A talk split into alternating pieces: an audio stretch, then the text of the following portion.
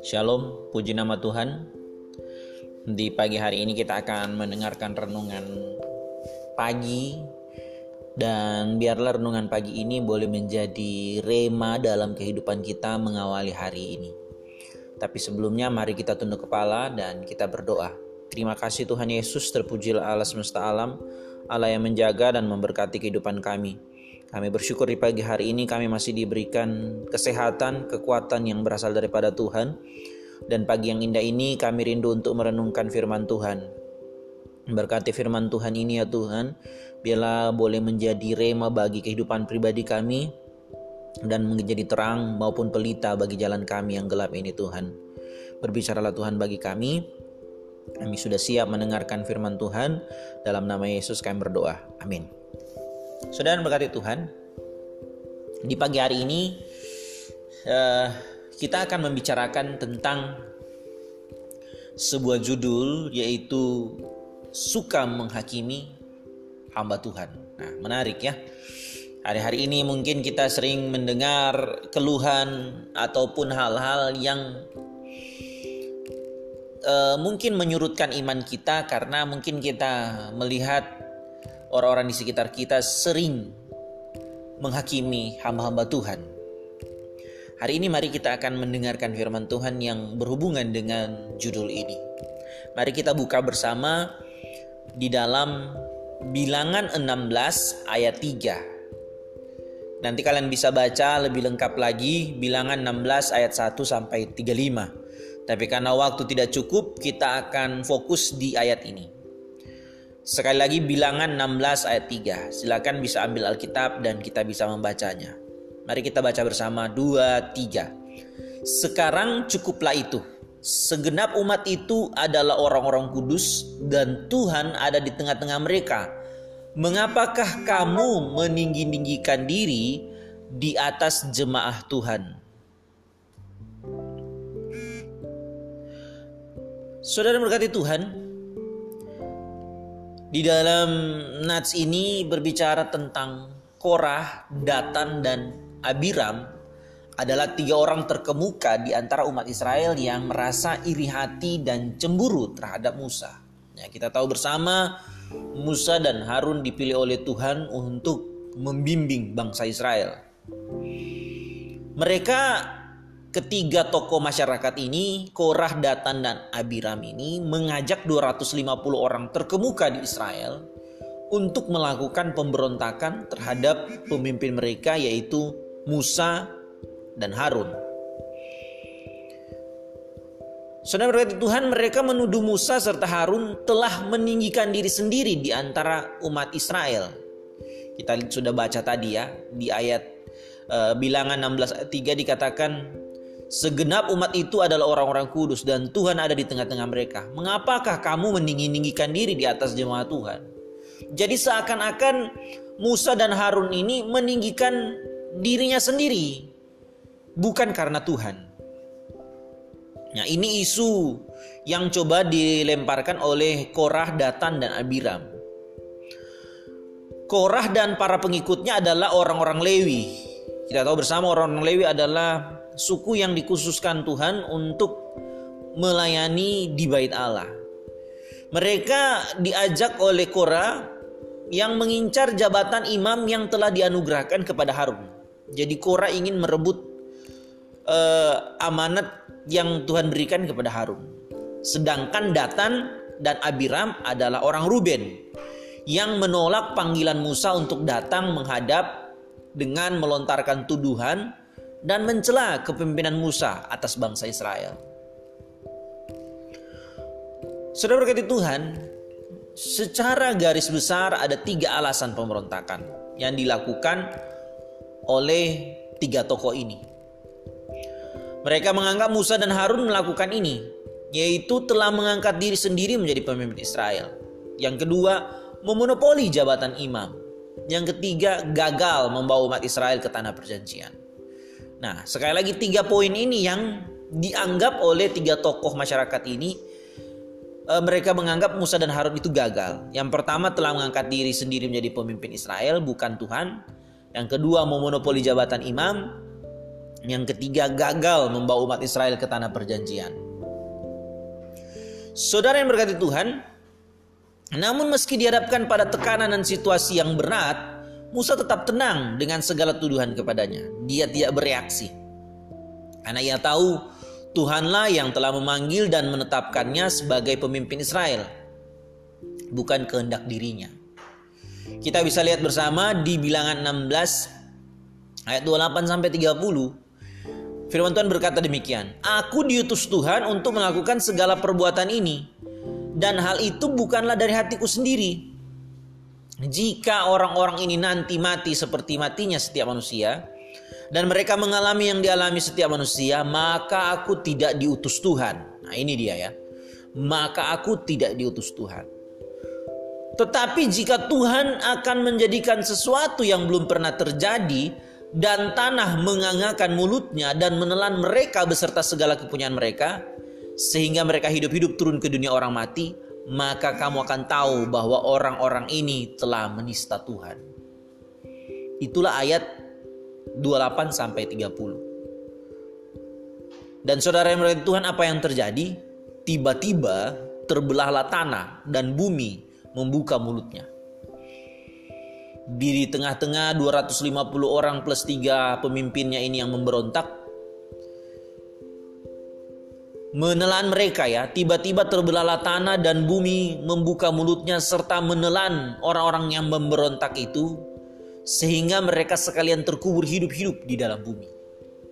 Ini bukti bahwa Tuhan membela orang-orang yang telah diurapinya dan menghukum mereka yang mengusik hamba-hambanya yang berlaku khianat. Nah yang jadi pertanyaan, apa makna bagi kita sebagai umat Tuhan? Satu poin penting kita bisa lihat juga di Ibrani 12 ayat 29. Dan hal yang ingin saya sampaikan di pagi hari ini, jangan menghakimi hamba Tuhan. Karena Tuhan sendiri yang akan berperkara dengan mereka. Sebab Tuhan adalah api yang menghanguskan. Sekali lagi saya ingatkan bagi kita semua, jangan menghakimi hamba Tuhan. Karena Tuhan sendiri yang akan berperkara dengan mereka. Demikian firman Tuhan di pagi hari ini. Semoga ini menjadi pedoman bagi kehidupan kita. Menjadi reminder bagi kita agar supaya kita tidak kena hukuman seperti 250 orang yang memberontak terhadap Musa dan Harun. Demikian firman Tuhan, mari kita tunduk kepala dan kita berdoa. Bapa Surgawi terima kasih atas perkenananmu dalam kehidupan kami. Kami boleh mengerti apa maksud Tuhan bagi kami. Biarlah kami tidak menghina memberontak terhadap hamba Tuhan yang engkau pilih Tuhan. Karena biarlah Tuhan yang berperkara, berperkara bagi hamba-hamba Tuhan dan Tuhan yang mengatur segala sesuatu sesuai dengan waktunya Tuhan. Biarlah kami boleh berjalan sesuai dengan apa yang Tuhan inginkan. Berkati kegiatan kami sepanjang hari ini. Biarlah kami hanya mengandalkan Tuhan, bukan mengandalkan kekuatan kami sendiri. Ini doa dan syukur kami. Hanya di dalam nama Yesus kami berdoa dan bersyukur. Amin.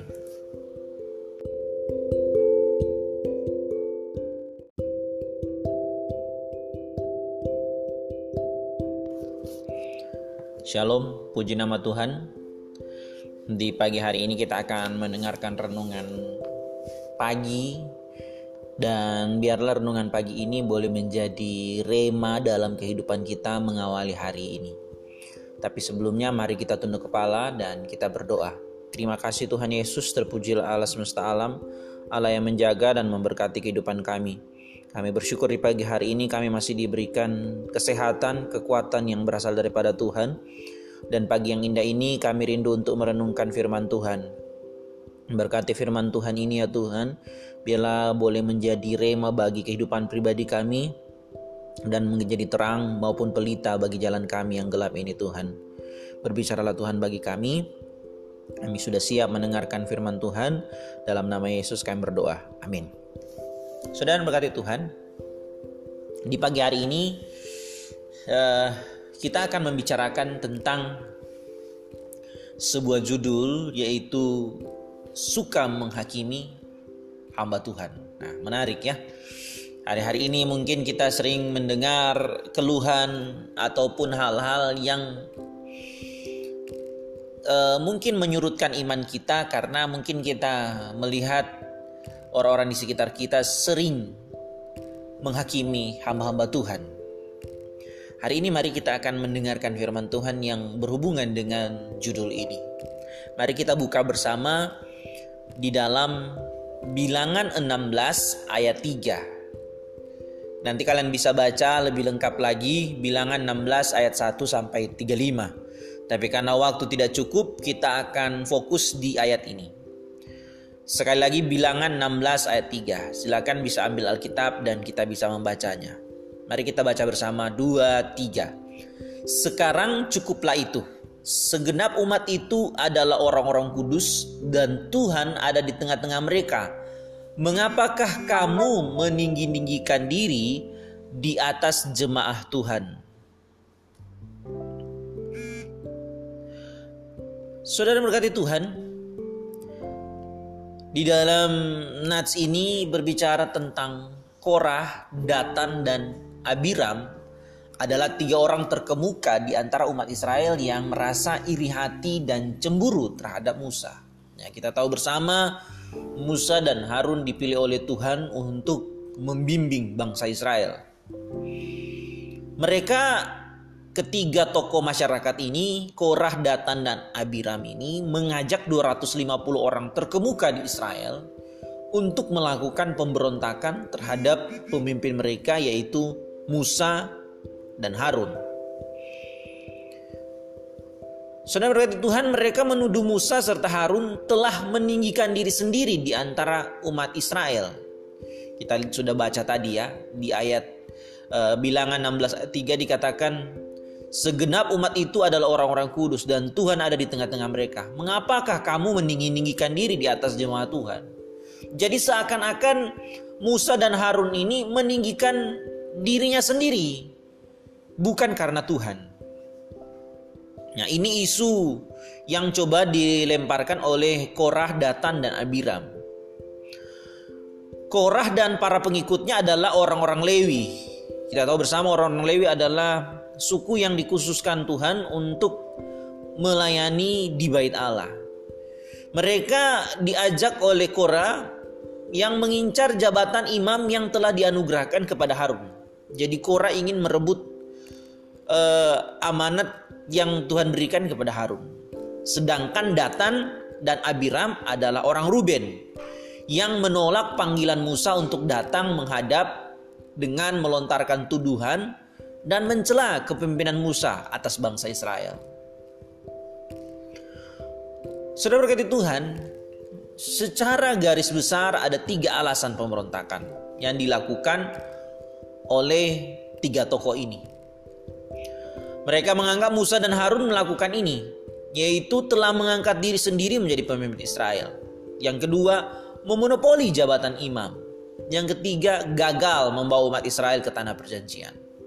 Nah, sekali lagi tiga poin ini yang dianggap oleh tiga tokoh masyarakat ini e, mereka menganggap Musa dan Harun itu gagal. Yang pertama telah mengangkat diri sendiri menjadi pemimpin Israel bukan Tuhan.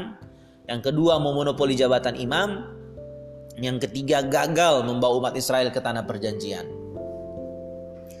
Saudara yang berkati Tuhan, namun meski dihadapkan pada tekanan dan situasi yang berat, Musa tetap tenang dengan segala tuduhan kepadanya. Dia tidak bereaksi. Karena ia tahu Tuhanlah yang telah memanggil dan menetapkannya sebagai pemimpin Israel. Bukan kehendak dirinya. Kita bisa lihat bersama di bilangan 16 ayat 28 sampai 30. Firman Tuhan berkata demikian, Aku diutus Tuhan untuk melakukan segala perbuatan ini. Dan hal itu bukanlah dari hatiku sendiri, jika orang-orang ini nanti mati seperti matinya setiap manusia, dan mereka mengalami yang dialami setiap manusia, maka aku tidak diutus Tuhan. Nah, ini dia ya. Maka aku tidak diutus Tuhan. Tetapi jika Tuhan akan menjadikan sesuatu yang belum pernah terjadi, dan tanah mengangakan mulutnya dan menelan mereka beserta segala kepunyaan mereka sehingga mereka hidup-hidup turun ke dunia orang mati maka kamu akan tahu bahwa orang-orang ini telah menista Tuhan. Itulah ayat 28 sampai 30 dan saudara yang berkata Tuhan apa yang terjadi? Tiba-tiba terbelahlah tanah dan bumi membuka mulutnya.